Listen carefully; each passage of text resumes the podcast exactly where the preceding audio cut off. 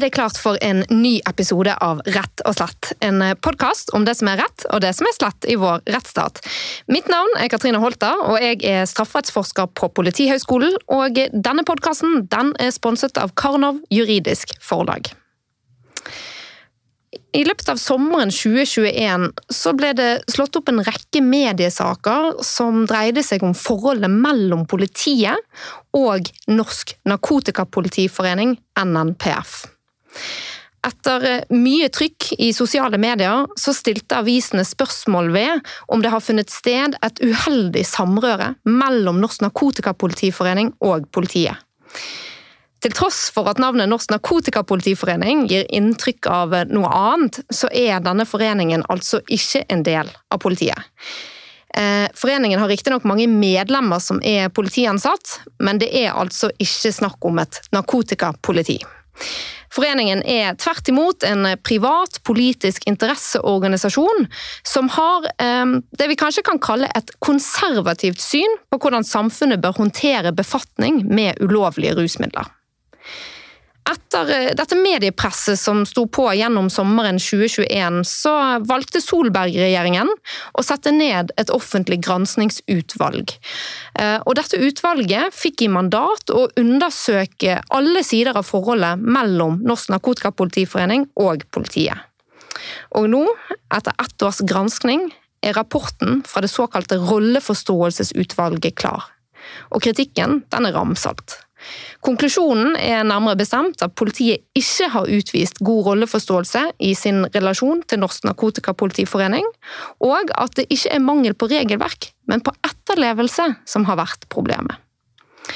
I dag skal vi høre mer om hva dette utvalget egentlig har funnet ut av, og om hvorfor det er så problematisk at en privat interesseorganisasjon har fått, slått, eh, fått slå seg opp som en eh, hva skal vi si, en etat i etaten. Dagens episode har eh, to deler. I første del så har jeg fått med lederen av Rolleforståelsesutvalget, som eh, snakker litt generelt om deres arbeid og konklusjoner. Og eh, i den andre delen så har jeg fått med to forskere fra Politihøgskolen. Og de vil hjelpe oss å forstå betydningen av det Rolleforståelsesutvalget har kommet frem til. I første del av denne episoden så har jeg fått med Anne Mette Magnussen, som er leder av Rolleforståelsesutvalget. Hun er professor i statsvitenskap ved Høgskolen på Vestlandet, og har kommet eh, hit i studio i dag på Politihøgskolen, og det er utrolig kjekt å ha deg med. Takk skal du ha. Dere har jo levert en granskningsrapport som har eh, fått følgende hovedkonklusjon. Politiet har ikke vist god rolleforståelse i sin relasjon til den private interesseorganisasjonen Norsk Narkotikapolitiforening. Hva er det dere har kommet frem til? Vi har kommet frem til det at det er ikke skilt godt nok mellom rollen som politi og politiansatt medlem i Norsk Narkotikapolitiforening. Det er jo den hovedkonklusjonen vi har, har kommet frem til. Og det er jo også svaret på spørsmålet om hvorvidt politi og politiansatte i NNPF har utvist god rolleforståelse. Mm. Hva er egentlig Norsk Narkotikapolitiforening? Kan vi si litt om det først? Norsk Narkotikapolitiforening er ja, Det er, har jo også vært noe av det som har vært utfordringen for oss. Hva er Norsk Narkotikapolitiforening? For Norsk Narkotikapolitiforening det er en faglig organisasjon det var veldig mye på den bakgrunnen at behovet for mer kunnskap om narkotika som, som på en måte ble, gjorde at foreningen ble etablert. Uh, så er den en uh, organisasjon som har drevet kompetanseheving av politiet. Den er en organisasjon som driver omfattende forebyggende utadrettet virksomhet på narkotikaområdet. Og så er det en narkotikapolitisk forening med ett klart eh, politisk, eh, eller narkotikapolitisk syn. Um, så det som og derfor dette spørsmålet om hva er eh, Norsk Narkotikapolitiforening, det er egentlig et ganske vanskelig spørsmål. Og det har på en måte også vært noe av vår jobb å å, å, knytte opp en sånn slags gordisk knute for å finne ut hva Norsk Narkotikapolitiforening er. Mm. Fordi den har en sentral rolle i politiet, samtidig som det er en frivillig organisasjon utenfor politiet. Nettopp. Og vi, altså, hvis du skal beskrive litt den posisjonen som Norsk Narkotikapolitiforening, altså NNPF, som man forkorter det eh, Hvis du vil beskrive litt hvilken posisjon de har hatt i politiet, hva, hva vil du si da? Jeg vil si at de har vært sentral innenfor narkotikafeltet. De har spilt en sentral rolle. Det har vært et tett forhold mellom politiet og foreningen på dette fagområdet. Det har både vært en eh, posisjon Norsk Narkotikapolitiforening har tatt, men det er også en posisjon de er tildelt av politiet.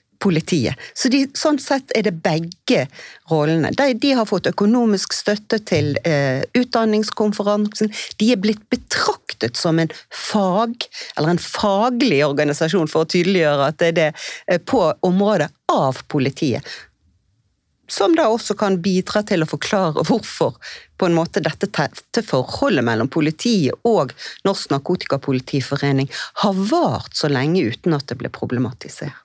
Mm.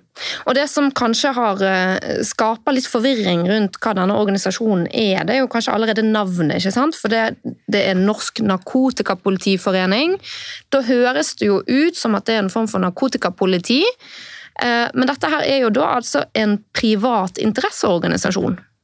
Det er en privat Ja, og så hva den er, da. Det er jo nettopp det vi kommer tilbake til, at den er mer enn mer enn én ting. Men den, den, har jo og Nå skal ikke jeg gå og si at jeg husker alle tallene, men ca. 3000 medlemmer fra, som er ansatt i politiet. Så det er klart politiansatte er de dominerende medlemmene i Eh, organisasjon. Eh, jeg tror det er også viktig å se den siden ved Norsk Narkotikapolitiforening at dette er en forening som har arbeidet ut ifra et sterkt ønske om å hindre noe som er uønsket. Nemlig at barn og ungdom skal komme inn i, en, eh, i et forhold til rus som vil skape store problemer. Det er Norsk Narkotikapolitiforening sitt på en måte grunnlag for mm. uh, sin virksomhet, eller i hvert fall deler av den virksomheten. Blir det riktig å si at uh, Norsk Narkotikapolitiforening har et konservativt ruspolitisk syn? Det kommer jo an på hvilket syn man selv har på, uh, på narkotikapolitikk. Jeg vil si at Norsk Narkotikapolitiforening har ett syn. Det er mange som deler deres syn, men det finnes også andre syn. Mm.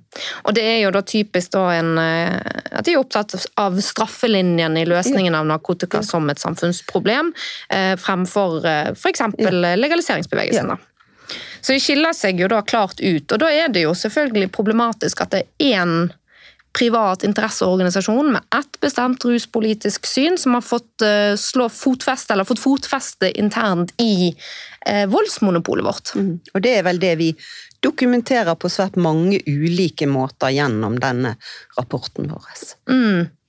Eh, hva er det dere har funnet ehm, altså Hva er det som er hovedfunn i denne rapporten? Altså, dere er jo litt inne på flere steder på forhold som dere eh, peker på at det er problematisk opp mot mm. mm. rettsstatsproblematikk, rettssikkerhet osv.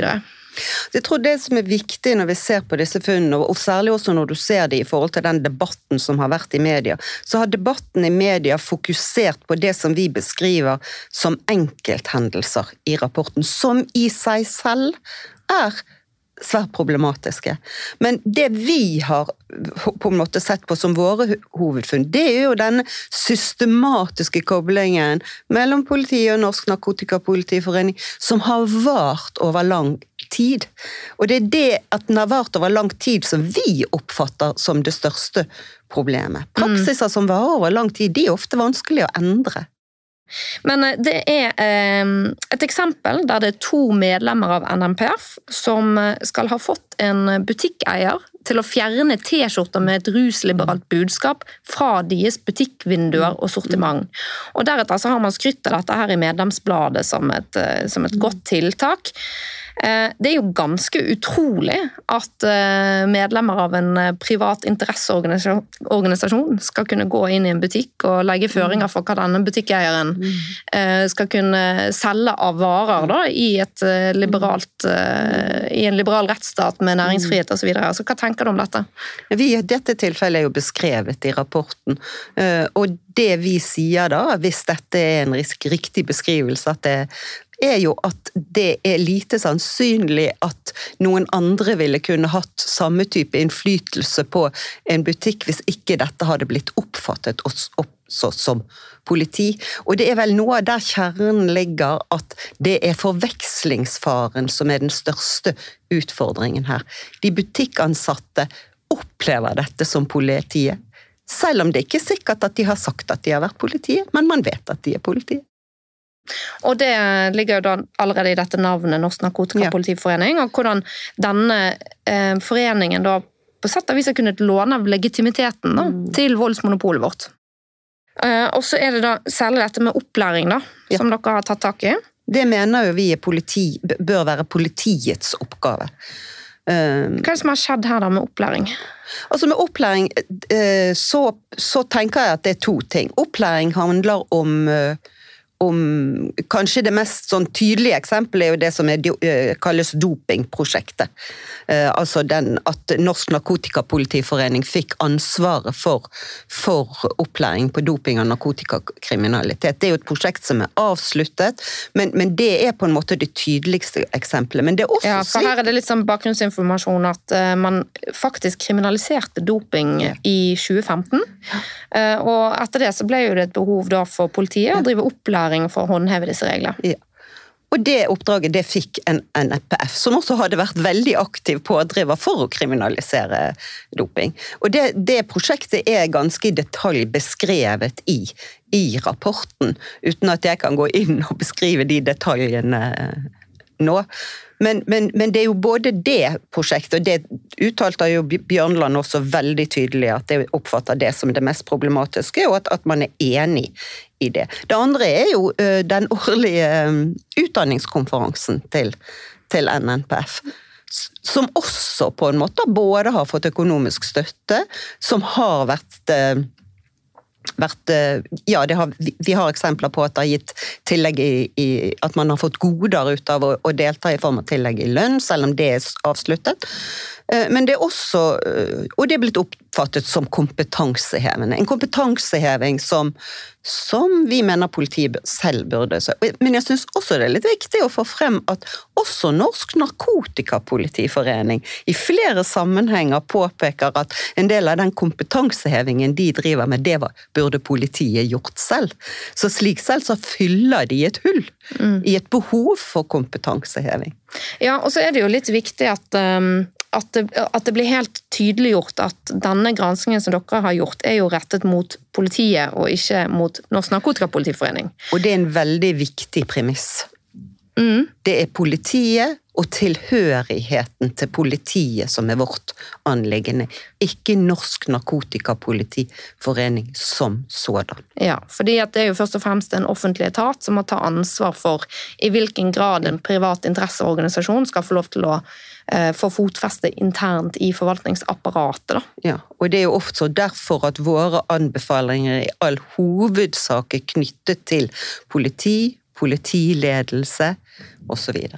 Men dette med, med opplæring um, har, eh, dere stiller jo spørsmål ved, uten å konkludere endelig, om det at Norsk Narkotikapolitiforening har blitt så sentral i opplæringen på rusfeltet internt i politiet, om det kan ha hatt betydning for de funnene som er gjort når det gjelder ulovlige ransakinger og det som Riksadvokaten har tatt tak i nå, og som, mm. som jeg har eh, laget episoder om tidligere i denne mm, podkasten, som man kan gå tilbake inn og høre på.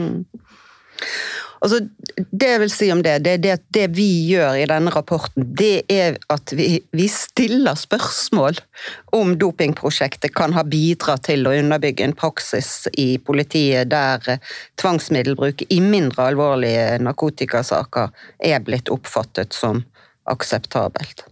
Og bakgrunnen for at vi stiller det spørsmålet, det er jo nettopp en bak, altså har jo bakgrunn i at vi har, vi har gått nøye igjennom dette prosjektet. Fra initiativ til etablering, til gjennom veiledere, mellom, gjennom fagplaner. Og de, når vi ser på alt dette materialet, så, så, så, så omfatter jo dette sentrale politioppgaver.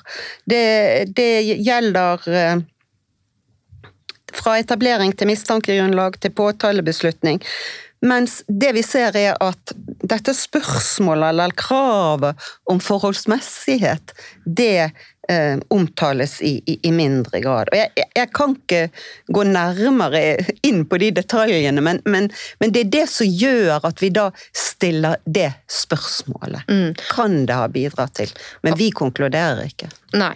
Og da er det jo sånn at uh, når man skal bruke tvangsmidler, ransake folk f.eks. For, for å identifisere om de har på seg noe ulovlige rusmidler og den slags, så er det jo et strengt forholdsmessighetskrav som gjelder, og det, det, og det er på en måte så gjennomgripende og grunnleggende at det det at det er lite nevnt, mm. Eh, kan jo tyde på at man har hatt en idé om at det er mye mer som er forholdsmessig enn det man har tenkt når det gjelder rus.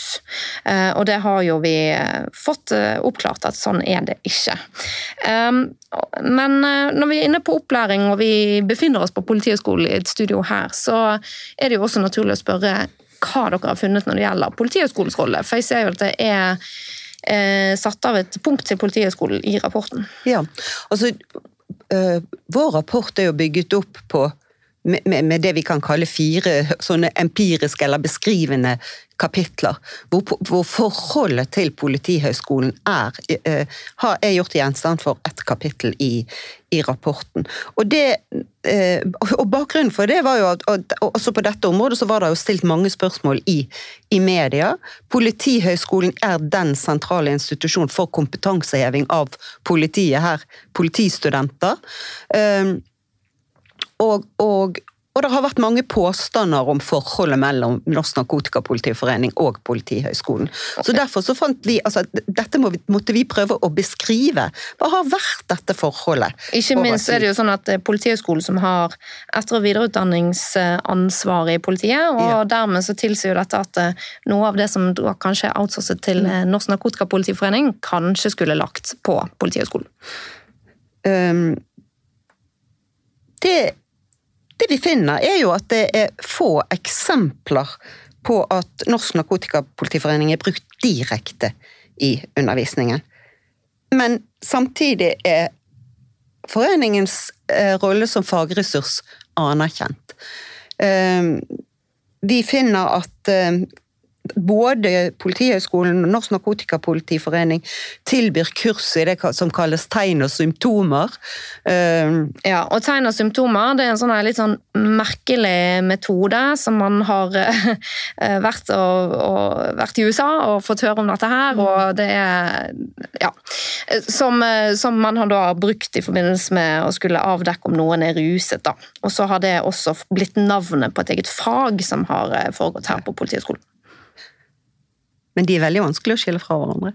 Nettopp. Fordi det, det er Både når det gjelder opphav og, eh, og innhold. Um, og, og, jeg tenker også at dette med Og da tenker du opphav og innhold på det faget som Politihøgskolen tilbyr, og de, den kursingen som skjer fra NMPF utad? Ja. Sant? Og det, for, og dette her er jo også da en illustrasjon på denne, dette problemet rundt forvekslingsfaren. Og jeg tenker det er litt viktig å se, her har vi jobbet intenst i et år på å finne ut av ting, og vår konklusjon er at det er vanskelig å skille ting fra hverandre. Hvor vanskelig må det ikke være for samfunnet utenfor? Mm. Det er jo et, et tankekors. Eh, jeg tror at eh, det er også en sånn at det er litt altså, Politihøgskolen selv sier at det har ikke vært noe formelt samarbeid. NNPF refererer i sine årsberetninger, i sitt medlemsblad, til mange uh, uh, eksempler på deres forhold og hvordan de påvirker, ønsker å påvirke eh, narkotikaundervisningen, hvor viktig det er, ros og ris deles ut. Så det er liksom litt sånn to ulike historier som fortelles. NNPF bruker ofte referanse til Politihøgskolen i forbindelse med, med, med å fremme sine egne synspunkter.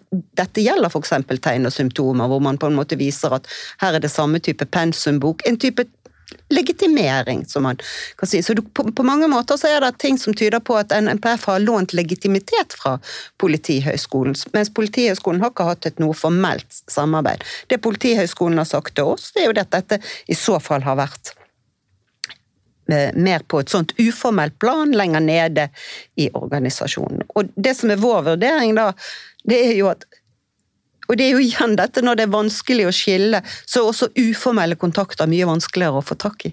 Og dermed blir det også mye vanskeligere å si hva slags innflytelse har NPF egentlig hatt på Politihøgskolen, når, når dette er av uformell karakter.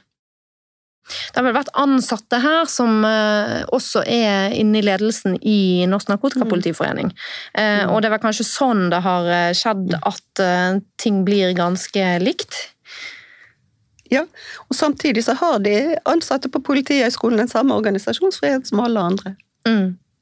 Og det er det viktig å, å, huske på. Ja, det er det. Ok, um, vi skal gå litt videre. Nå har vi snakket om dette som går på opplæring. Um, dere skriver eh, litt om dette navnet Norsk Narkotikapolitiforening i rapporten. Um, hva, hva tenk, hvilke refleksjoner dere har gjort rundt dette? Nå så at Politidirektøren i går var ute og oppfordret Norsk Narkotikapolitiforening til å bytte navn. Mm. Ja, det tror jeg vil være lurt. Vi ser jo at norsk navnet Norsk Narkotikapolitiforening i seg selv eh, er egnet til å skape et inntrykk av at dette er politi, selv om det ikke er det. Det er derfor vi ber foreninger som har politi i navnet, å vurdere dette, fordi at det er noe vi mener man, man, man bør motvirke at det skaper et, et, slikt inntrykk. Og dette er jo et gjennomgående eh, område. Dette, og det er jo flere som, som har gitt uttrykk for, altså, og det har vi jo konkrete eksempler på i, i rapporten at man har oppfattet eh, Norsk Narkotikapolitiforening som politi. Og vi mener at dette også kan være svært tett knyttet til nettopp det navnet. Det gir en assosiasjon til at det finnes et narkotikapoliti. Mm. Og det gjør det jo ikke i Norge. Nei. Også, men så finnes det jo andre organisasjoner, mm. frivillige organisasjoner, som har politi i navnet sitt. Mm. Eh, dere har vel nevnt eh, Norsk eh, Politihundforening, ikke det en? Ja. Og så er det vel eh, Norsk Miljøpolitiforening. Ja. Er de, ligner de i struktur på Norsk Narkotikapolitiforening? Altså, Nå har jo ikke vi gått inn og studert de nøye, men jeg tror det er litt viktig å se at Norsk Narkotikapolitiforening Kanskje det som særkjenner at de, det er jo at de driver veldig sterk grad av utadrettet virksomhet gjennom sitt forebyggende arbeid. Kanskje mye mer, eh, hvis man da sammenligner det med andre politiforeninger, som Norsk politihundforening, eller eh, der er vel en politihesteforening, er, som, som, som på en måte ikke har den samme utadrettede virksomheten. Men hvis du tar den andre foreningen som du nevner, altså hva er det, var det miljø... Ja, Miljøpolitiforeningen. Så kan man jo tenke tenkes med den debatten der er i miljøet at tilsvarende problemer kunne oppstå hvis det, hvis det var en forening med, et, med, en helt spesifikt syn som fikk stor gjennomslag. Så dette er jo ikke noe problem som er eh, knyttet bare til Norsk Narkotikapolitiforening. Det som vi sier, er at man bør tenke seg om, om hvilke forvekslingsfare dette kan gi. Mm.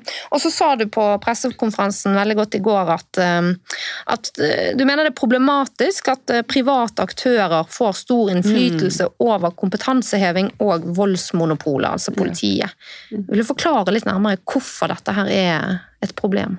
Det er et problem at det er en privat forening med ett spesifikt narkotikapolitisk syn som får stor innflytelse over innholdet i narkotikapolitikken.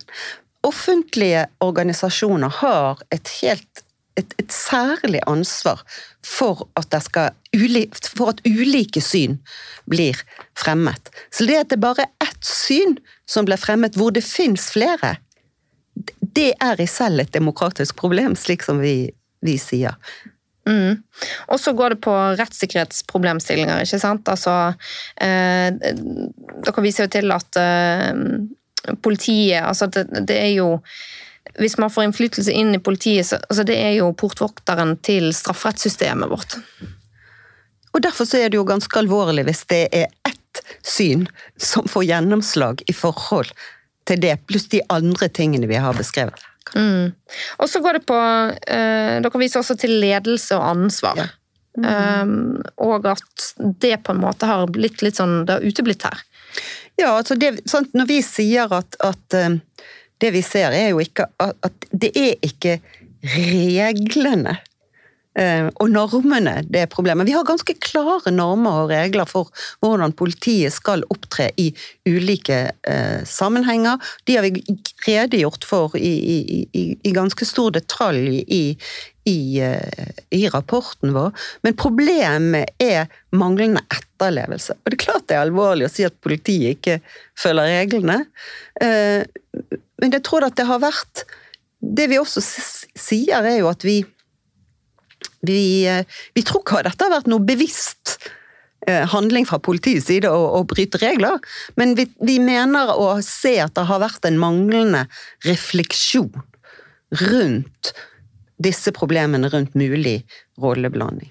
Mitt inntrykk er jo at uh, Norsk Narkotikapolitiforening, den posisjonen de har fått, det handler ikke bare om uh, unnlatelsessynder fra, fra, ledere i politiet, men det er også på en måte blitt heiet frem og sett på som noe veldig positivt internt. Uh, sånn at de har blitt på en måte De har fått, blitt gitt en posisjon i politiet mm. fra ledelseshold, stemmer det? Ja, med den begrunnelse at de er blitt sett på som en faglig organisasjon på dette området de er blitt betraktet som den foreningen som hadde den kompetansen som politiet manglet selv. Mm. Men som politiet Det som vi kan stille spørsmål til, er hvis, hvis, hvis vi har en forening med hvor flesteparten av medlemmene er politiansatte, og politiet ikke har den kompetansen selv, så så er det jo en litt sånn underlig mm. konstellasjon. Absolutt. Um, og så nevner dere uh, dette med økonomisk støtte. Mm -hmm. Hva er det som har skjedd der?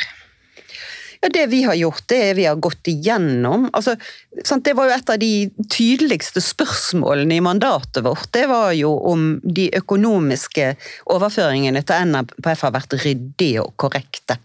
Så det dette kapittelet, og det er kapittel syv i rapporten som omhandler det, det går jo gjennom nøye regelverket for, for, som sier noe om hva, hva skal, hvordan skal slike pengeoverføringer skje. Offentlige midler. Offentlige midler. Hvordan skal de brukes? På Våre skattepenger. Måter? Våre skattepenger. Mm. Så viser vi, går vi ganske nøye gjennom hvilke bevilgninger en NPF har fått gjennom 30 år. Og så gjøres det en vurdering, og den har ikke vært enkel. Hvor mye penger har de fått? Nå kan ikke jeg, Tre millioner eller noe sånt, det husker ikke jeg i, i, i mm. detalj. Men det har jo vært det har jo vært tre ulike former for, altså som vi identifiserer. Det har vært uh, støtte til utdanningskonferansen. Og støtte til utdanningskonferansen er gjort ut ifra en begrunnelse om at dette var kompetanseheving for politiet. Det vi sier, er at det ikke er tilstrekkelig reflektert rundt at dette er å si støtte til en frivillig organisasjon med et klart politisk, narkotikapolitisk syn, og dermed skulle ikke kunne vært overført fra politiets driftsmidler. Mm. Og så har du gave, og så har du lønnstrekk. Lønnstrekk vurderer vi som å være en indirekte driftsstøtte. Mm. Altså nettopp sånn at eh, medlemmer Medlemmer i Norsk Narkotikapolitiforening har eh, kunnet betale medlemskontingenten ved at det trekkes direkte fra lønnen. lønn. Mm, mm. Det er jo en ordning som man normalt ser for fagforeninger. Mm. Og da er det jo sånt spørsmål, hva er, hva er Norsk Narkotikapolitiforening? Hvordan er den blitt oppfattet? Det var jo dette vi stilte spørsmålstegn ved hele tiden. Vi oppfatter at dette indirekte har vært en støtte til drift fra Norsk Narkotikapolitiforening. For de sparer jo penger ved at denne kontingenten blir, blir eh, trukket Mm. direkte i, i lønn. Eh, og de har, de har vel også fått støtte fra um, Helsedepartementet og sånn? Helsedirektoratet har de fått støtte eh, fra men, men her er det jo også noe med hva er det for, for, for slags ordninger. Sant? Fra Helsedirektoratet så har de fått støtte gjennom tilskuddsordninger, som en narkotikapolitisk forening. Fra justissektoren, fra politisektoren, så har de fått støtte som en fag... Eh, Fagetat, nærmest. ja. Og det er dette her som på en måte, som jeg sa innledningsvis, denne, denne gordiske knuten som vi måtte knyte opp for å prøve å finne ut hva var. Hva er en NPF egentlig for noe? Og jeg tror For politiets en del, den praksisen som varte over såpass lang tid, det, det er nettopp fordi at det ble oppfattet som faglig, det ble oppfattet som kompetanseevne, så ble det ikke sett på som noe problem. Mm. Da er det viktig å understreke at denne praksisen er opphørt på alle de områdene som vi beskriver i rapporten. Men vi har likevel funnet grunnlag for å eh, komme med den anbefalingen at eh, økonomiregelverket bør følges. Kan du si litt om hvordan dere har jobbet med den eh, granskningen? Altså, dere har holdt på et års tid, og har dere møtt på noen utfordringer underveis? Det er klart vi har det. det, er, det vi har jobbet i et års tid. Det, vi har jobbet utrolig intenst. Vi har hatt utvalgsmøter hver 14. dag i Oi. et år. Det er ganske hyppig. Det er veldig hyppig. Vi har oppfattet oppdraget vårt som stort, komplisert, sammensatt. Hvis du ser på spørsmålene i, mandatet, så går det på ganske ulike spørsmål. Der eksisterte ikke noe opparbeidet kunnskap på disse områdene som vi har gått inn i. Så det er utvalget selv, med et fabelaktig sekretariat, som har opparbeidet det kunnskapsgrunnlaget som ligger til grunn for, for de uh, vurderingene vi har gjort. Vi, har, vi har etter beste evne forsøkt å kartlegge de faktiske forholdene, og så på bakgrunn av det gjort våre vurderinger. Men vi har jobbet tett. Altså, vi hadde utvalgsmøte gjerne torsdager på slutten av uken, hvor vi, som var omfattende heldagsmøter med, med, med Hvor vi skrev eh, grundige referater etter hvert eneste møte, fordi at det er grunnlaget for hvordan vi skulle komme videre. Disse referatene de var gjerne klar mandag, tirsdag i påfølgende uke, og fredag samme uke så skulle vi ha ut sakspapirene til neste uke. Og sånn har det gått back to back i et år. Wow. Og så har dere møtt på utfordringer knyttet til å få tilgang til informasjon. Ja, Norsk Narkotikapolitiforening ville, ønsket ikke å gi oss årsberetninger og medlemsblad og resultatregnskap. Men eh, jeg må si at ellers så har vi fått all den informasjonen vi har bedt om. Vi har fått all informasjon vi har bedt om fra politiet. Vi har også fått all informasjon vi har bedt om fra Norsk Narkotikapolitiforening. Det tok bare litt lang tid, og det medførte jo et merarbeid for oss fordi vi da måtte samtidig Vi visste jo ikke om vi fikk den eh, informasjonen og måtte søke den etter, etter andre, i, i andre kilder. Men vi har fått tilgang på alt, og også narkotika, Norsk Narkotikapolitiforening har svart på alle spørsmålene vi har stilt. Dette er jo en eh, tematikk som i ganske stor grad har eh, si, har blitt rullet opp mye her på Twitter gjennom emneknaggen narkotwitter.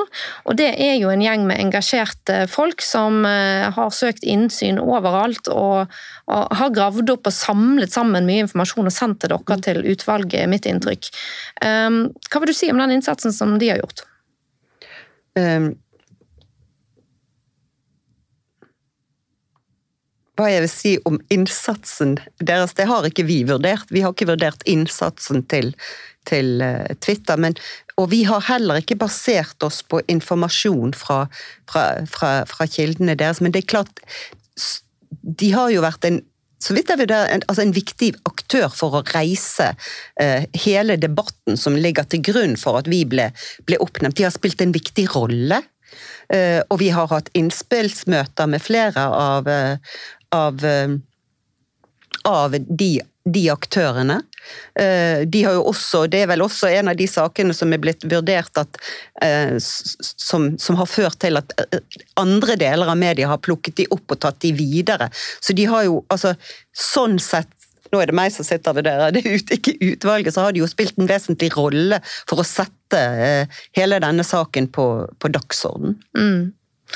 Um, I rapporten så gir dere visse anbefalinger også Yep. eh, for fremtiden. Hvilke endringer er det som er viktige å få på plass nå for politiet? Jeg vet ikke om jeg vil rangere våre eh, anbefalinger, men vi gir jo anbefalinger som i stor grad handler om, om at, at politiet må ta et, et, et ledelsesansvar. De må sørge for etterlevelse av de normene og reglene som eksisterer. Eh, Og Bjørnland sa jo veldig tydelig, bare på å ha lest eh, Altså, De har jo heller ikke fått lest rapporten vår enda, men, men på bakgrunn av oppsummering og det som var kommet frem på pressekonferansen, at det er betydelige læringspunkter. Mitt inntrykk av at hun tok denne rapporten veldig alvorlig. Mm, jeg er enig. Um, men hvilke anbefalinger er det dere gir, da? Altså et eh, ledelsesansvar, og så går det på opplæring. Ja, som vi mener at politiet bør, altså at politiet bør, bør, bør gjøre selv. eh, Og at de bør lage en plan for hvordan den kompetansehevingen skal skje selv. Og der har jo allerede Bjørnland svart at det, i, hoved, det må bli eh, Politihøgskolen sitt, eh, Sitt mandat. sitt sin mandat. ja. Mm. Um, nå eh, har vi, går vi snart tom for tid her i studio, og det kommer en del to av denne episoden, men eh, avslutningsvis så lurer jeg på um, hva du håper at denne rapporten Hva som skal stå igjen fra denne rapporten og for det arbeidet som dere har lagt ned? Eh, Jeg håper at det som står igjen, og at inntrykket det, er at vi har gjort en grundig jobb. At vi har dokumentert godt grunnlaget for våre vurderinger, og så håper jeg at den skal skape debatt.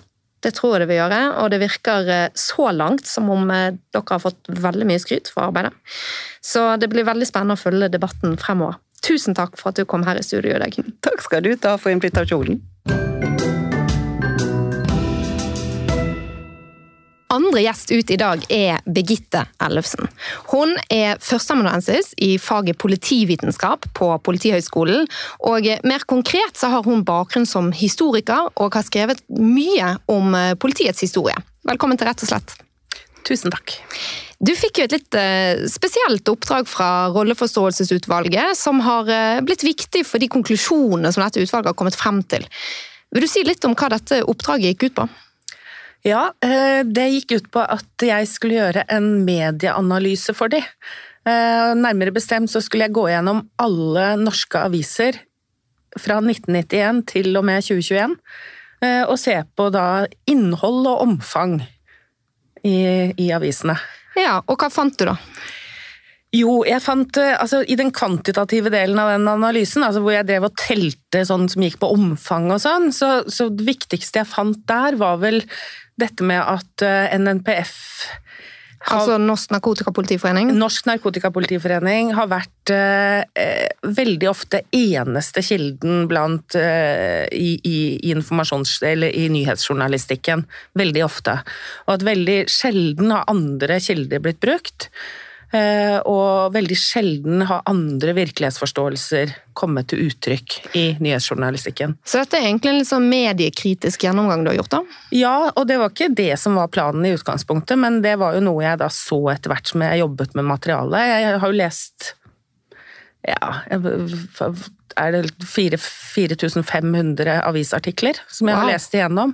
Sånn at dette, den analysen og de funnene ble jo litt til etter hvert òg, som jeg leste de. Ja. Og Dette er jo et stort arbeid, og det er inntatt som vedlegg i denne rapporten. Din rapport, altså. Ja, den ligger liksom fra 200, side 215 og utover. Mm. Hva syns du på en måte er det mest oppsiktsvekkende her, da? Nei, der, der er jeg faktisk litt enig med, med rolleforståelsesutvalget, og det som er det de sier. Det er liksom ikke enkeltsakene her. Det er inntrykket, det er helhetsinntrykket, som, som er det som setter seg mest. Det er omfanget av det. Det er så veldig omfattende. Det er så veldig mange eksempler på ulike ting. Eh, Det er sånne mønstre som gjentar seg igjen og igjen. Eh, For eksempel dette her med at jeg, ser, jeg så at veldig ofte så er det helt tydelig at det er NNPF som er initiativtager bak nyhetssaker. Ja. Eh, og da fant jeg et mønster som går igjen og igjen og igjen og igjen over mange år, hvor at eh, en, en politifolk da, går ut i lokalmedier i politiuniform og så sier at vi er kjempebekymret eh, for det er økt bruk av narkotiske stoffer blant ungdommer i vårt lokalmiljø. Eh, og, så, og, så, sier de noe litt rundt det og forklarer hva det går ut på, og så sier de eh, men så, nå kommer NNPF og skal holde foredrag for alle foreldre og, og lærere og de som jobber med ungdommer, så det burde alle gå på. Så dette er politibetjent, uniformert politi, ja. som sier dette, ja. og så oppfordrer de foreldre til å gå på foredrag med på, NNPF. Melde seg på Bry deg-foredrag med NNPF. Og så gjør de det, og så følger journalisten opp og rapporterer fra disse folkemøtene og Bry deg-foredrag, altså, som det heter. Altså, dette er, Bry deg er jo de forebyggende produktene som, som NNPF da selger, da. Hva er det det går ut på, egentlig? Nei, altså De har ulike varianter av det under logoen Bry deg. Eh, Bry deg det var opprinnelig utformet etter en amerikansk forebyggingsmodell som het Dare. Eh, som går på mer sånn å, å, å, drive forebyggende virksomhet gjennom å informere og drive holdningsskapende arbeid. Da. Ja, Så man skal forebygge at unge begynner med rusmidler? Ja, det er hovedhensikten. Eh, og disse Bry deg-foredragene som er rettet mot foreldre og sånn, de har ofte vært gratis for foreldre å delta på og sånn. Og der er det ofte eh, NNPF-representanter som har stilt opp på fritiden sin og gjort det gratis og sånn. Men, men så har liksom da har jo media fulgt opp med hvert og rapportert fra disse møtene, og, og da har det ofte liksom fått veldig sånn overskrifter at naive foreldre fikk åpnet øynene, vi visste ikke at det var så ille. Og de har liksom blitt fått av det budskapet om at også ditt barn står i fare for dette, og du må følge med på sånn og sånn. Men dette her høres ut som eh, aktiviteter som, altså som de gjør på fritiden, og som, de også kan, eh, som også kan være prisverdig da, til en viss grad? Ja, det kan du si, og, og, er, og jeg tror at eh, det er ingen tvil om at det her er det gode hensikter bak, ikke sant? og det er ingen tvil om at, at politifolk som er engasjert i NNPF og jobber frivillig der, bryr seg om ungdommer og, og, og oppriktig vil gjøre noe for at de ikke skal få rusproblemer. Det er det ingen tvil om. Spørsmålet er virker dette? Og der mener jo forskningen eh, at veldig mye altså Det er mye forskning på at den type forebyggingstiltak har lite eller ingen virkning, og at det også kan ha negative konsekvenser. Ok. Vil du utdype litt mer rundt det? Altså, det, det, som jeg da liksom stusser over, er jo at dette Bry deg har jo blitt holdt opp uh, som en sånn veldig vellykket forebyggingsmodell av ikke bare av NNPF, men av politiledelsen også. Det er blitt fremholdt som sånn unisont at dette er veldig bra og har god effekt, men det er jo ikke forsket på det. Eh, det er ikke evaluert, og det vi har av forskning på lignende type tiltak, sånn som DARE og sånn, det viser det motsatte, at det ikke har noe de effektene. Så det forundrer meg litt da, når vi har, faktisk har en målsetning i norsk politi om å arbeide kunnskapsbasert. Mm. Så tenker jeg at dette feltet har noe å lære der, da. Dagens tredje gjest er Gunnar Thomassen. Han er òg førsteamanuensis på Politihøgskolen, så nå er det altså tre av oss her i studio. Og han har bakgrunn som statsviter. Gunnar har forsket mye på temaer som er knyttet til politi og tillit, og spesielt ansvarliggjøring av politiet og politikorrupsjon. Velkommen også til deg. Tusen takk. Eh, I, i sosiale medier så er det flere som har lurt på om um, dette her som har kommet frem rundt rolle, fra Rolleforståelsesutvalget og knyttet til forholdet mellom NMPF og politiet, om det har noe med korrupsjon å gjøre. Um, og korrupsjon det er jo et litt sånn ullent begrep. Hva tenker du om det? Hvis du legger til grunn den der um, korrupsjonsparagrafen som vi har i Norge, så, så, kan man vel si at det her det er vel neppe sånn i strafferettslig forstand uh, korrupsjon, mens man legge til grunn et mer sånn uh, folkelig, etisk perspektiv på det, så, så, er det ikke rart at folk tenker at det her i hvert fall har et eh, korrupt element i det. Mm. At noen har fått en, fått en type fordel. Og hva, vil, hva, legger vi, altså Hvordan skal vi skille disse, dette strafferettslige begrepet om korrupsjon og det mer folkelige begrepet? Ja, jeg, jeg, kan jo, jeg, kan jo, ta utgangspunkt i, i, i, begrepet politikorrupsjon, sånn som vi bruker det innen forskninga. Eh, da bruker vi gjerne et litt sånn bredere begrep på det. Eh, og, og, da inkluderer vi altså, Du har jo det klassiske økonomiske, det opportunistiske. ikke sant? Altså At du beriker det på en eller annen måte. altså du du, du, drar nytte av den, av, av den stillinga du har. altså rent masse, altså, du, Maktmisbruk for, for, egen fordel. ikke sant? Mm, for en økonomisk fordel, ja, og det er ja. jo det strafferettslige. Ja, og det kan være økonomisk, og det kan være andre ting ikke sant? Eh, som, du, som, du, som du tilegner deg. Eh, men så, så, har man i mye av eh, den litteraturen også snakk om det da man litt misvisende kaller det for sånn noble cause corruption. Altså at man Altså at man ikke nødvendigvis for å berike seg sjøl, men at man, uh, man, uh, man tøyer og bøyer loven. For, for å oppnå et sånn uh, ja, noe som kanskje er sett på som et gode på, på samfunnsnivå, f.eks. Og økt oppklaring eller ja, forebygge noe. Så ja. Og Hvordan blir det opp mot denne saken? da? Altså er det, hva er det gode som folk stiller spørsmål ved at man har oppnådd? Er det den innflytelsen, eller er det Nei, altså, jeg tenker, jeg tenker på det, det jeg, jeg, tror det meste det er, er det, det, økonomiske aspektet ved det. Altså de økonomiske fordelene. Uh, men jeg, jeg, tenker jo et, et, et lite, et like, like, interessant spørsmål her, det er jo Hva har det her samrøret, om du vil kalle det for det, da? Eh, det at man har outsourca fagutviklinga, hva har det å, å, å, si for korrupsjonsrisikoen i, i politiet generelt? Og, og, særlig på et sånn felt som, som, narkotika, som man jo vet fra litteraturen er ekstremt sårbart for korrupsjon. Av, altså her har du uh, Mye skjer ganske skjult, man har der skjulte metoder, informantbehandling Eh, det er i sårbare grupper. Og, og, det, og, ikke minst, det, det, er et, eh, det, er et felt som, eh, som, som, som lenge har vært veldig prioritert. Så, så, det, så, så, i forhold til korrupsjon så, gir det jo både mulighet for økonomisk korrupsjon, pga. at det er veldig mye penger i det, men også for prosesskorrupsjon. Altså at det er et press eh, fra ledelse, fra, fra fra politikere om at her må dere produsere saker. ikke sant? Mm. Og så er det, Hvis jeg bare kan få legge til, jeg tenker også på den, den gode hensikten her.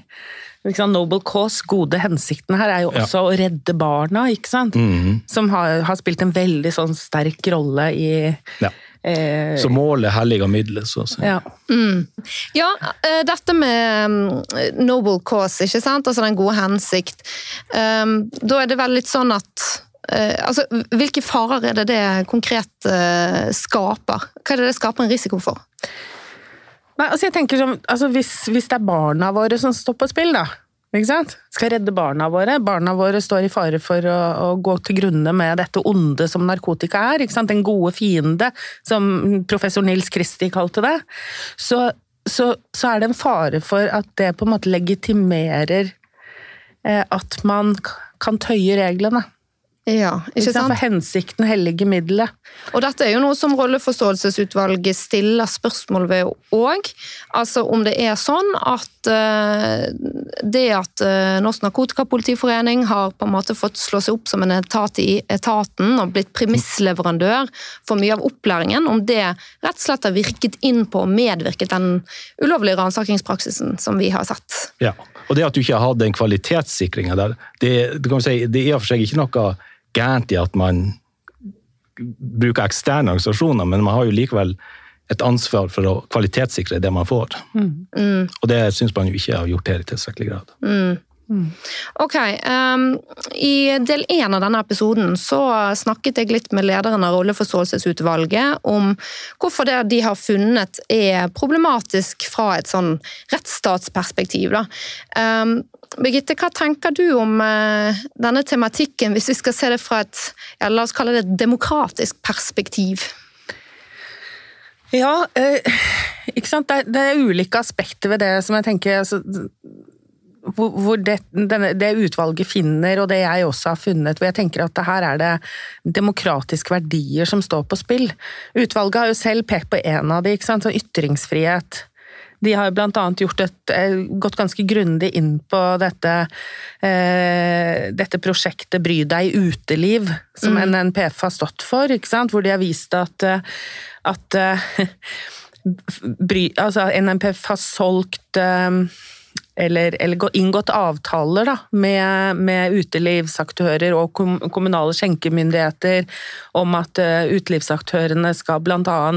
henge opp plaketter Eh, på utelivsstedene hvor det står at det er nulltoleranse overfor legaliseringssymboler. Mm. Altså De liksom skal bortvise gjester. Så kan man si at Det kan jo en privat aktør gjøre, kan jo bestemme. ikke sant? Mm. Men det som er ille her, er jo at eh, det har ikke vært tydelig for de som er samarbeidspartnerne, om det er politiet eller en privat organisasjon som står bak dette. Mm. Og, i, og, i, det øyeblikket at du tror at det er politiet som, som, forbyr legaliseringssymboler, da har vi et veldig stort demokratisk problem. Ja, det er jo et angrep på ytringsfriheten som ja. Eh, men etter Grunnloven så er jo statens myndigheter forpliktet til å bidra til å fremme ytringsfrihet. Ja, og et annet, et annet uh... For Jeg må bare legge til at eh, symboler det er jo også en form for, regnes også rettslig sett som en form for ytring. Ja. Mm. Og her er det jo, og så har jo de nevnt, vi snakket om det i del én, altså denne, denne, episoden der det er NMPF-medlemmer som har gått inn i en butikk i Haugesund um, og fått, altså fått betjening til å fjerne legaliseringssymboler fra utstillingsvinduene og fra sortimentet. Mm. Og så er det dette at de har kontaktet fylkeskommuner for å stanse politiske ungdomsorganisasjoner i å dele ut sånn legaliseringsmateriell på mm. sånne skoledebatter og sånn. Mm. Eh, så det er, dette er jo tre konkrete eksempler. Har du sett noen flere sånne? Ja, jeg har, sett, jeg har sett flere eksempler i det store materialet mitt. og det, Jeg har jo ikke skrevet om alt det jeg har sett. Det har ikke vært mulig, da hadde denne rapporten blitt altfor langt. Men jeg har to andre eksempler som jeg har funnet i mediesakene. Nei, det ene er fra 2009. Da var vel Jeg husker ikke hvilke aviser nå, men det var oppe i Trøndelag. Det var i forbindelse med Steinkjersmartnan, som er et marked, lokalt marked, skulle arrangeres i 2009. Så klarte da en NPF å overtale arrangørene til å kaste ut eh, boder, da, de som skulle ha boder hvor de solgte legaliseringseffekter. Eller effekter med legaliseringssymboler. Da ble de kastet ut av det markedet. Eh, og et annet eksempel er fra 2010, da eh, en styreleder i NNPF sammen med, med leder av NNPF sentralt innkalte Norgesgruppen eh, til et møte fordi denne styrelederen i NNPF hadde sett at Narvesen solgte filter og rullepapir som annet brukes da til når du skal røyke marihuana. Eh, og da fikk de innkalt da hele norgesgruppen til møte, og de gikk da med på at de skulle slutte å selge denne typen produkter. Det er ganske sjokkerende. Mm. Og politiet, var de involvert i dette i det hele tatt? Nei, altså da var det de i rolle som NNPF, altså. Eh, ja. Men, men, likevel, det er jo eh, Når de som er med, den ene ja, I 2010 så var styreleder den styrelederen var jo ansatt her på Politihøgskolen. Og den andre styremedlemmet som var med på dette, var eh, en, en uh, sjef i et politidistrikt for forebyggende arbeid. Så det er liksom Det er jo ikke hvem som helst heller. Kan vi anta at liksom har visst om disse tingene?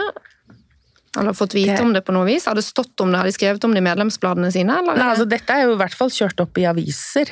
Så de har måttet fått vite det i ettertid, i hvert fall. Men jeg vet ikke om det er avklart på forhånd, det vet jeg ingenting om. Det, det har jo vært ganske bredt dekt i media, det der. Ja. Og uh, det er vel ingen som har protestert heller, så det viser jo på en måte en kortslutning over hele linja. Men dette er jo egentlig ganske sjokkerende. altså Hvordan har dette kunnet foregå så lenge? Ja, ikke sant. Og det er, det er der jeg, jeg, prøver også å fokusere litt på medias rolle i dette. da. Ja. Hvor jeg tenker at eh, det er litt oppsiktsvekkende at eh, det som skal være vår fjerde statsmakt, i så liten grad har reagert på slike ting og stilt kontrollspørsmål. Eh, at det ikke er stilt, ikke er bedt altså ikke er spurt om hva slags kunnskapsgrunnlag har dere for å mene dette.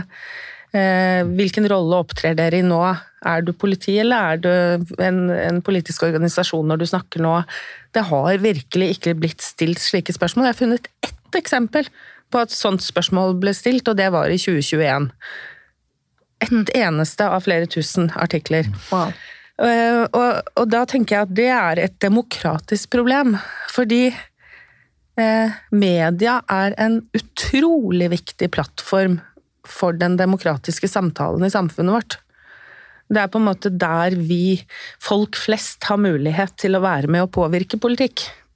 Mm. Og det er der eh, også folk flest danner seg en oppfatning om politiet. Mm. Det finnes mye forskning på, at folks oppfatninger om politiet dannes først og fremst gjennom de representasjonene av politiet de får i media. Ja.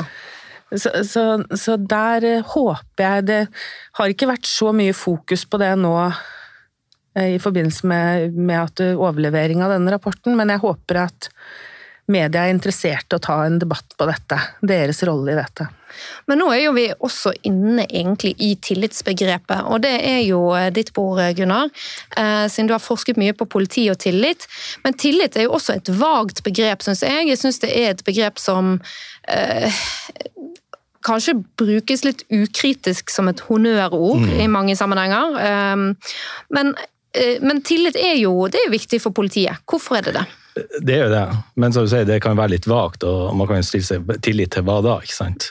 Eh, I forskninga så, så, liker vi gjerne å bryte opp i sånn mer instrumentell tillit. Altså har du tillit til at politiet er effektiv og, og, greier å løse oppgavene, og så har vi et som går mer på prosessuell tillit. altså Opptrer eh, politiet upartisk, rettferdig, respektfullt og sånne ting. Og, og det man i hvert fall finner, det er jo at det som synes å være klart viktigst, for den generelle tilliten, det er nettopp de der eh, prosessuelle faktorene. Altså at, politiet, altså at folk oppfatter politiet som nøytralt og rettferdig, upartisk og sånne ting. Og, og sånn sett så, så, er det klart det her eh, det, det kan ha potensielt negative eh, konsekvenser for tilliten når man på en måte ser at man ikke har opptrådt ut fra de verdiene i, i, i det her uh, rollesammenblandinga med mm. NNPF.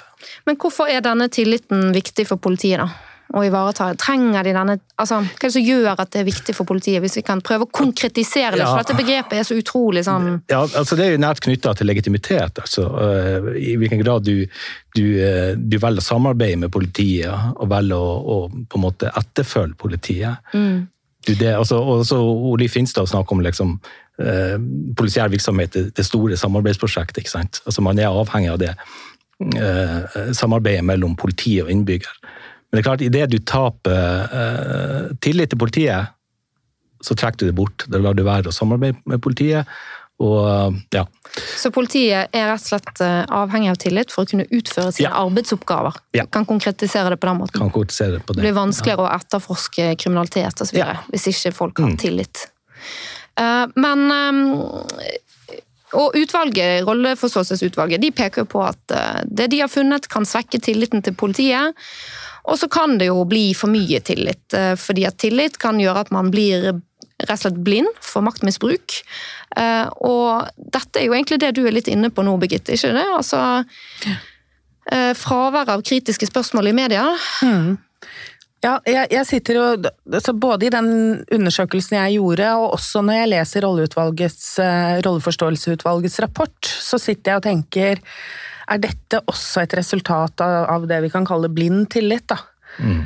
At man har på en måte stolt så mye på politiet og på, på, denne mm, private organisasjonen at de har fått lov Altså, de har blitt Både av politiledelsen så har de blitt gitt enormt stor tillit og stort spillerom, og man har ikke kontrollert hva de har holdt på med, eller kvalitetssikret det, eller Men også at media tilsynelatende altså at norsk presse tilsynelatende har så enormt høy tillit til politiet at de ikke tenker på at de bør stille kontrollspørsmål eller sjekke med andre kilder eller kontrollere opp mot forskning eller Og det, og det nå er det jeg har sett på, er liksom i de tilfeller det er folk som representerer NNPF og politiet som uttaler seg, men det gjelder jo egentlig politiet generelt. Og jeg ser jo at til tross for den, denne rapporten har kommet, så fortsetter det jo nå så får jo politifolk stå fram og være eneste kilde, og kan på en måte De sier at vi er kjempebekymret nå, for nå har ungdommer begynt å ruse seg mer. Eh, vi tror det er mer kokainbruk på videregående skoler osv. Eh, og så intervjuer de noen studenter, noen elever da, som sier ja, ja, vi har hørt at det er mye mer. Og så lager man masse masse saker ut ifra det. Og så er det ingen journalister som spør ja, men, men vil hva er kunnskapsgrunnlaget ditt her? Har dere liksom har dere noe tall? Har dere noe å sammenligne med? Kan du liksom begrunne dette litt bedre? Hva sier forskning? Forskning viser jo faktisk at rusbruk blant ungdom har vært veldig stabilt de siste ti årene. Og med all sannsynlighet fortsatt er det. Mm. Og da lurer jeg på, har vi for mye tillit til politiet? Mm. Ja. Det minner jo litt om sant? Altså sånn, Vi kan jo si at tillit, tillit til makten, tillit til rettssystemet, til domstoler. Mm. Det, kan jo, det, kan jo også, bare få trekke en parallell til Viggo Kristiansen sin sak altså, mm. Den sterke tilliten som han har til rettssystemet, har nok tror jeg, bidratt til at det tok så lang tid for han å få gjenåpnet sin straffesak. Mm. Eh, tillit til makten, rett og slett. Ja. Blind tillit. Og Det ser du i flere av de der justismordsakene. Altså, ja. Det har tatt mm. veldig lang tid. Til tross for åpenbare blunder og åpenbare feil, så for det tatt veldig lang tid før, før det ble eh, tatt opp igjen. Altså det, og det er et veldig godt poeng du har der med kan vi ha for mye tillit. Altså det er på en måte den mørke sida av tillit. Tillit er jo bra, mm. men blind tillit er ikke nødvendigvis bra. Ikke Så det er tveegget sverd? Ja, og, og, særlig altså det, Du kan gjerne ha blind tillit til, eh, til kona di eller eh, til barna dine. Altså det kan være en bra ting altså på sånn mellommenneskelig plan.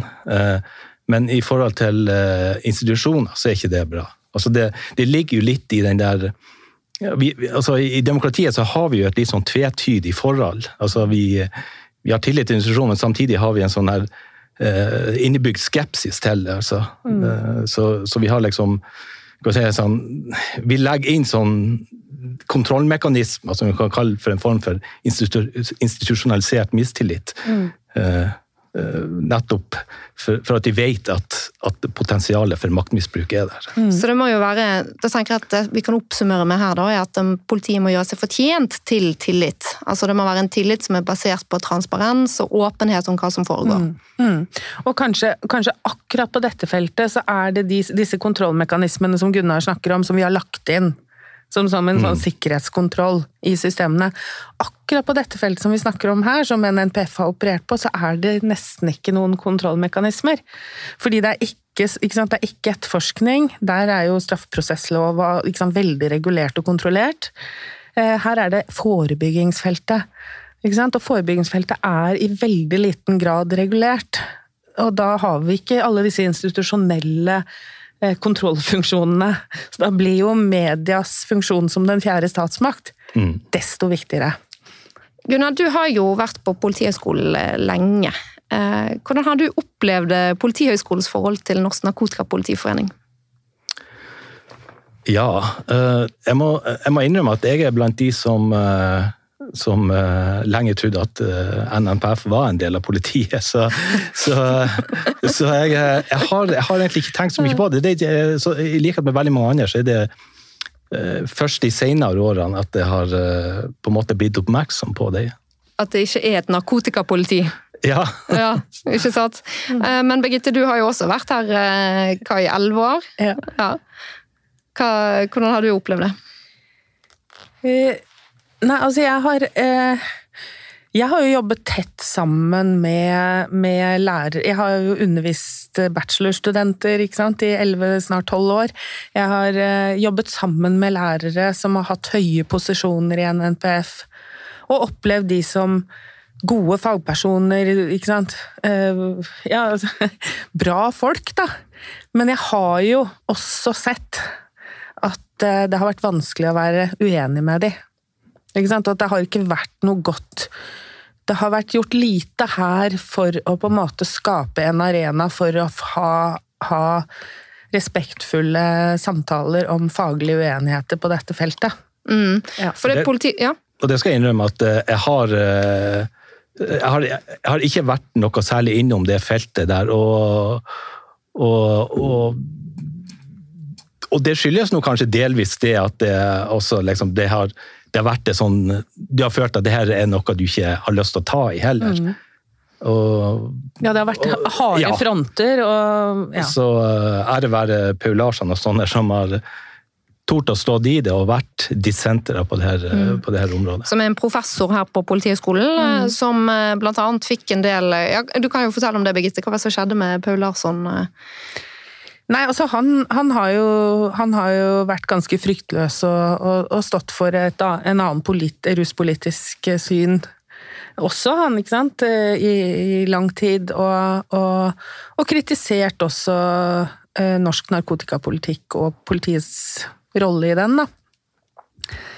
Men han har jo, når han har ytret seg, så har han blitt tatt ganske hardt av NNPFs representanter, og fått ganske mye sånn sagt mellom linjene blitt påstått å være på en måte umoralsk og egentlig bare ville røyke hasjen sin i fred og den type omtaler, da. Så personangrep, vil jeg si. Mm. Og også forsøk på å få rektor til å stilne han. Ja, det skriver jo rolleforståelsesutvalget om. Altså, det kommer jo klager. Og han er ikke den eneste, det er jo andre ansatte her på Politihøgskolen også, som, hvor det er blitt sendt klager og bedt rektor om å refse de, og, fordi de har hatt meninger som ikke er politisk korrekt. Ikke sant? Også, men nå, ikke sant? nå er det Hva er politisk korrekt nå? Nå er vi jo i en brytningstid. Ikke sant? Ja. Jeg har jo også stått mye i denne her eh, rusdebatten eh, over lengre tid, og blant annet eh, i forbindelse med disse her ulovlige ransakingene og ment mye om det. Eh, Og da kom det jo også forsøk på folk som kontaktet rektor og mente at jeg kanskje gikk utenfor mitt mandat og min rolle, og om ikke hun kunne sette munnkur på meg. Og der må jeg jo bare si at rektor her har jo vært helt super, hun har bare stengt døren helt igjen for den type innspill. Ja, og det skal de ha. De har eh, for lang, mange år tilbake, eh, fra de første angrepene på Paul Larsson kom, så var de veldig tydelige på at her har vi akademisk ytringsfrihet. Og her eh, tar ikke vi å kontrollere hva de sier. Nei. Ok, um, men Politihøgskolen er jo da viet et helt kapittel i denne, i denne granskningen. Og hva er det Politihøgskolen får kritikk for? Oi, ja, det, det, det er ganske mye altså, Eller kritikk og altså, Det blir påpekt at eh, Politihøgskolen og politiet har på en måte latt NNPF eller overlatt et helt fagfelt til en privat organisasjon, altså Norsk Narkotikapolitiforening. At ikke Politihøgskolen selv har gått inn og aktivt hatt eierskap til det fagfeltet, og drevet forskning og undervisning og tilbudt, men rett og slett bare latt denne private organisasjonen drive fagutvikling og undervisning og sånn på det feltet eh, i lang tid. Og det har de Altså, Politihøgskolen har jo hatt sine egne eh, kurs og fag på det som da kalles tegn og symptomer, ikke sant. Som, men, men noe av problemet her er jo at det er NNPF folk, folk som er akte, som er veldig som, i, som, i rollen som NNPF, som har skrevet disse bøkene, som, og som også er lærere i disse fagene på Politihøgskolen. Så det har vært helt umulig for studenter og utenforstående å forstå når de er en høyskoleansatt, og når de er en NPF. Det har vært veldig, veldig vanskelig å skjelne mellom. Mm. Og fagene har jo fått eh, det samme navnet, ikke sant? De har hett det samme, de har hatt helt likt innhold, helt likt pensum. Eh, kanskje litt ulike måter å formidle det på, men noen ganger samme personer.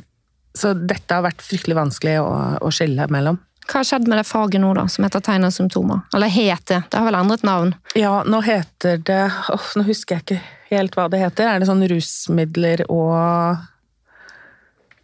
Ja. Det hadde, ja, jeg, jeg har glemt hva det var. Rusmiddelkunnskap og et eller annet sånt, tror jeg det heter. Ja. Mm. Jeg vet ikke om det er så stor forskjell sånn innholdsmessig, men uh, Nei, jeg tror sånn pensummessig så er det, vel, er det vel likt. er det vel nesten helt likt, tror jeg. Ok. Mm. Eh, og det som eh, Og det er jo fortsatt en, en, en Den som underviser og er emneansvarlig i dette faget, er jo også da styreleder i en NPF. Eh, så den, denne praksisen har jo vært der hele tiden, at man har doble roller. eh, de som er emneansvarlige i dette faget. Men dette er jo noe som uh, ikke gikk stille for seg her på Politihøgskolen når. Nei, det var, har vært mye motstand internt blant enkelte ansatte som har sagt ifra om at de tenker at det er problematisk, og at det, burde, det er en praksis man ikke burde fortsette med. Mm. Mm. Og at man kanskje heller burde få inn eh, personer i denne rollen som har en annen eh, forskningsbakgrunn på rusmidler. Ja, det har også vært etterlyst. At hvorfor er det en politifaglig utdannet som bør ha undervist i det? Kanskje kunne det vært noen med helsefaglig bakgrunn som kunne undervist like godt, eller sosialfaglig. altså det er mange tenkelige fagbakgrunner her som mm. kunne gjort en god jobb. Eh, utvalget peker også på at dette er problematisk og er egnet til å skape misforståelser og ikke kunne klare å skille. Mm. Ja. Gunnar, syns du at eh, politiledelsen har tatt dette på tilstrekkelig alvor? Ja, vi får se. Jeg har ikke, jeg har ikke fulgt med så veldig mye i media, men uh, um, hvis du tenker på i etterkant av, av, av den rapporten her, så, så, så får vi se. Det jeg tror jeg er litt tidlig å, mm. å dra noen konklusjoner ennå der. Hva tenker du om politiet, da? Nei, altså jeg, jeg, jeg syns det var de, Politidirektør Bjørneland sa jo veldig tydelig at de tok dette på alvor, og eller at de tar det på alvor, at de allerede har iverksatt en del tiltak, i, hvert fall i forhold til dette som går på de økonomiske tingene, at ikke de skal nå drive sånne tilskudd lenger som, var, som var i strid med regelverket. Eh, og hun la veldig mye vekt på det, akkurat det, det som utvalget peker på, at de hadde outsourcet hele opplæringen som gikk på dette med doping. Etter at doping ble kriminalisert i 2013, så ble det outsourcet til NNPF. Mm, 2015. Ja, mm. Eh, så ble det outsourcet til NNPF eh, fra 2015 å gjøre opplæring på det feltet. Eh, det har de tatt selvkritikk på veldig sånn tydelig, entydig, og sagt at det var veldig uheldig. Og det er bra. Det er bra. Jeg er litt mer skeptisk etter å ha lest hele Rolleforståelsesutvalgets rapport, så er jeg jeg, jeg syns de er ikke så tydelige på å ta ansvar når det gjelder f.eks. det med eh, forebygging. Eh, mm. hvor jeg i min rapport peker på at politiledelsen eh, i flere år og, og, ulike politiledere har på en måte gått ut offentlig og sagt at, at de tar i bruk Bry deg som ledd i sitt forebyggende arbeid. Mm. Som er altså dette kurset? Ja. ja. Eh, og, det, og, med det så mener de at eh, da, da, på en måte sier de at det at politiansatte holder Bry deg-foredrag i rollen som NNPF på fritiden, er en del av politidistriktets forebyggende innsats. Mm. Det har blitt sagt av ulike politiledere. Eh, og det syns jeg ikke de tar nok ansvar for i, i, i, måten det de sier når de har blitt intervjuet av Rolleforståelsesutvalget. Da prøver de tvert imot å si at nei, nei, det bryr deg, det, det regner vi ikke som del av politiets forebyggende arbeid. Nei, nei, så, så det, det, kan ikke regnes som at vi har outsourcet forebygging til en privat organisasjon. Eh, der, der syns jeg at de kan gå litt i seg selv. Og Her er det også viktig å vite at forebygging det er jo en eh, helt sentral del av samfunnsoppdraget til politiet. De skal jo drive med forebyggende politiarbeid også. Ja, det er den mest sentrale delen av politiets samfunnsoppdrag. Skal forebygge, det er det de skal prioritere alltid først, og det er å forebygge. Eh, og det er også erklært av Politidirektoratet å være, være den hovedstrategien til norsk politi. Mm. Eh, så det er absolutt en politioppgave. Og det sier jo Rolleforståelsesutvalget òg, at de mener, de mener at, eh, at, politiet nok har til dels overlatt en sånn hovedoppgave delvis på dette feltet ved å la en NPF på en måte stå for mye av den forebyggende innsatsen. Mm. Har dere noe mer på hjertet? Ja, Det blir i hvert fall interessant å, å følge videre de, hvordan de kommer til å følge opp det her. Mm. Um, jeg håper jo det. Og, og så du var inne på det der med, med, med forebyggende. altså det hele, hele begrepet forebyggende Mm. er jo Du snakker om at eh, tillitsbegrepet er vagt, men forebyggingsbegrepet kanskje enda vagere. ikke sant? Hva betyr det egentlig? Og, um, Ja, hva, skal, hva skal være innholdet i det, og hvordan kvalitetssikrer du egentlig forebygging? Ja, og der sier jo også Rolleforståelsesutvalget at det er jo et av tiltakene de anbefaler, at det må være mer forskning på forebygging. Og det er jo et ansvar som vi har lyst til å ta, å ta på Politihøgskolen. Eh, og vi, vi har Jeg leder selv en, en, en forskergruppe på forebygging, og vi skal gjøre det vi kan for å styrke forskningen på det feltet. For forebygging er jo noe som er sett på som per definisjon bra uansett. Mm. Men kan dere si litt om utfordringene som knytter seg til dette med forebygging? For at, altså dere har nevnt at her er det, det er i veldig liten grad lovregulert. Så de må jo da gjøre De må jo forholde seg da til den alminnelige handlefrihet i ganske stor grad. sant? Fordi at hvis du skal gjøre inngrep i folks liv, så må du ha hjemmel i lov. Um, men hva er det som egentlig er problemstillingen i forebyggingsfeltet? Hvorfor er det så problematisk at ikke de har mer lovregulering her? Altså, øh, det, er ikke nødvendigvis sånn at de burde ha mer lovregulering, men hvis, de ikke har det, så må det jo være desto mer forsiktige og trygge på sin rolle, da. Og kjenne på en måte Å være bevisst hva som kan være utilsiktede konsekvenser av ulike typer forebyggingstiltak. Så det krever en veldig høy grad av profesjonalitet, da. eh, i vurderinger. Sånn at du må, du må på en måte, Hvis du iverksetter et forebyggende tiltak, så, så, så bør det være kunnskapsbasert. Og du bør ha en ganske gjennomtenkt idé om hva du ønsker å oppnå, og lese deg opp på forskning på hva som kan være fallgruver osv. På, Kan- på det. Nettopp. Og Kan dere si noe om hvordan politiet jobber forebyggende i dag? Altså det, det er jo på veldig mange måter altså Nå er det jo sagt at, at politiets hovedstrategi skal være forebyggende. Så sånn sett kan du si at alt politiet gjør, så skal de tenke forebygging først. Men sånn tradisjonelt, så har og de siste tiårene, så har det jo vært først og fremst på barn og ungdom. Mm. At politiet har hatt sin, mot barn og ungdom, som at politiet har hatt sin forebyggende innsats. Eh, Og mye skolebesøk og samarbeid, SLT-samarbeid, samordnede lokale tiltak. Hvor politiet møter ansatte i- i skolen og i kommunen og barnevern og samarbeider om hvordan de skal følge opp barn og ungdom.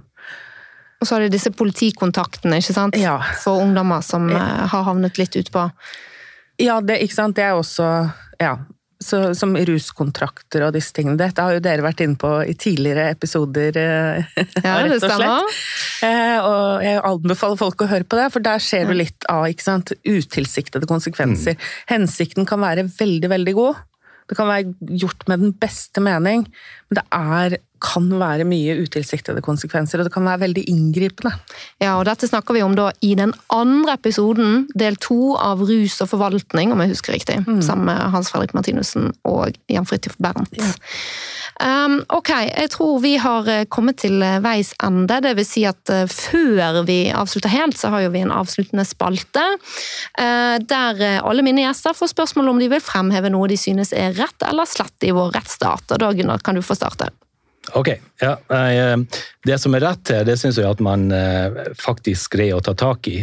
En sånn eh, samme- altså greier å rydde opp i det her, altså gjennom den, den, den, den evalueringa som er gjort nå.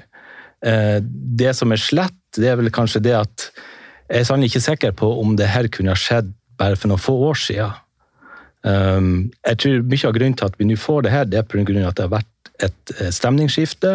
Vi har fått eh, flere stemmer inn, eh, først og fremst i det politiske miljøet.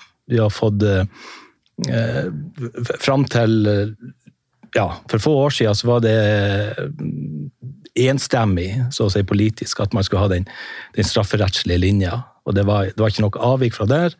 Men så fikk man jo da spesielt Høyre og Venstre og de borgerlige da, som, som eh, lanserte den eh, rusreformen. Så da, da fikk du et brudd der. Og jeg tror det er en viktig faktor for å forklare hvorfor vi nå har fått eh, det her eh, rolleutvalget der. Og, og det kan man si, det er jo kanskje litt betenkelig for, for det her var jo like gærent for, for ti år siden som, som, det, som det er i dag. Mm. Og ikke minst stort uh, trykk i sosiale medier og fra Ja. annet narkotwitter. Mm. Ja, jeg, jeg, jeg har lyst til å, å, å følge opp litt der på det gjelder hva som er slett her. Eh, og det tenker jeg er nettopp det at eh, ikke sant? Når alle er enige om en politikk? Alle er enige om at straff er det eneste rette, og den linja skal vi kjøre.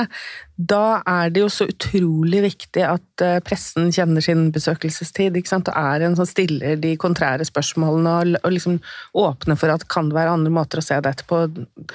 Eh, og det har de jo ikke gjort i denne saken. Det, Inntil for et par år siden, da. ja, og da som et resultat av at masse mennesker på sosiale medier hadde begynt å gjøre en gravejobb som kanskje pressen selv burde ha gjort. Så, så her er det takket være engasjerte, vanlige mennesker eh, som har fått etter hvert litt drahjelp av noen professorer og sånn. Noen grasrot. eh, ja, det er en grasrotbevegelse, og det er veldig interessant. For det er ikke ofte vi ser sånne ting. Mm. Mm. Så, så, så det er eh, flott, men jeg tenker at eh, eh, vi trenger Altså når, når, du har eh, personer som Eller grupper som er sårbare i samfunnet, har veldig behov for en presse som kjenner sitt ansvar for å kontrollere kontrollørene. Mm. Ja. Det er jeg veldig enig i, og det er også Jeg tenker også med, rundt media, sant, altså at de eh, de er meget velkommen til å, å skrive enda mer om eh, systematiske rettssikkerhetsutfordringer Ja. i justissystemet, mer generelt. Mm. Eh, Der gjøres det ikke altfor mye journalistisk eh, arbeid per i dag. Nei. Ok, det var det vi hadde tid for i dag. Vi har kommet til veis ende. Tusen takk til dere som har vært med her i studio i dag, og til deg som har lyttet på der hjemme. Takk for i dag.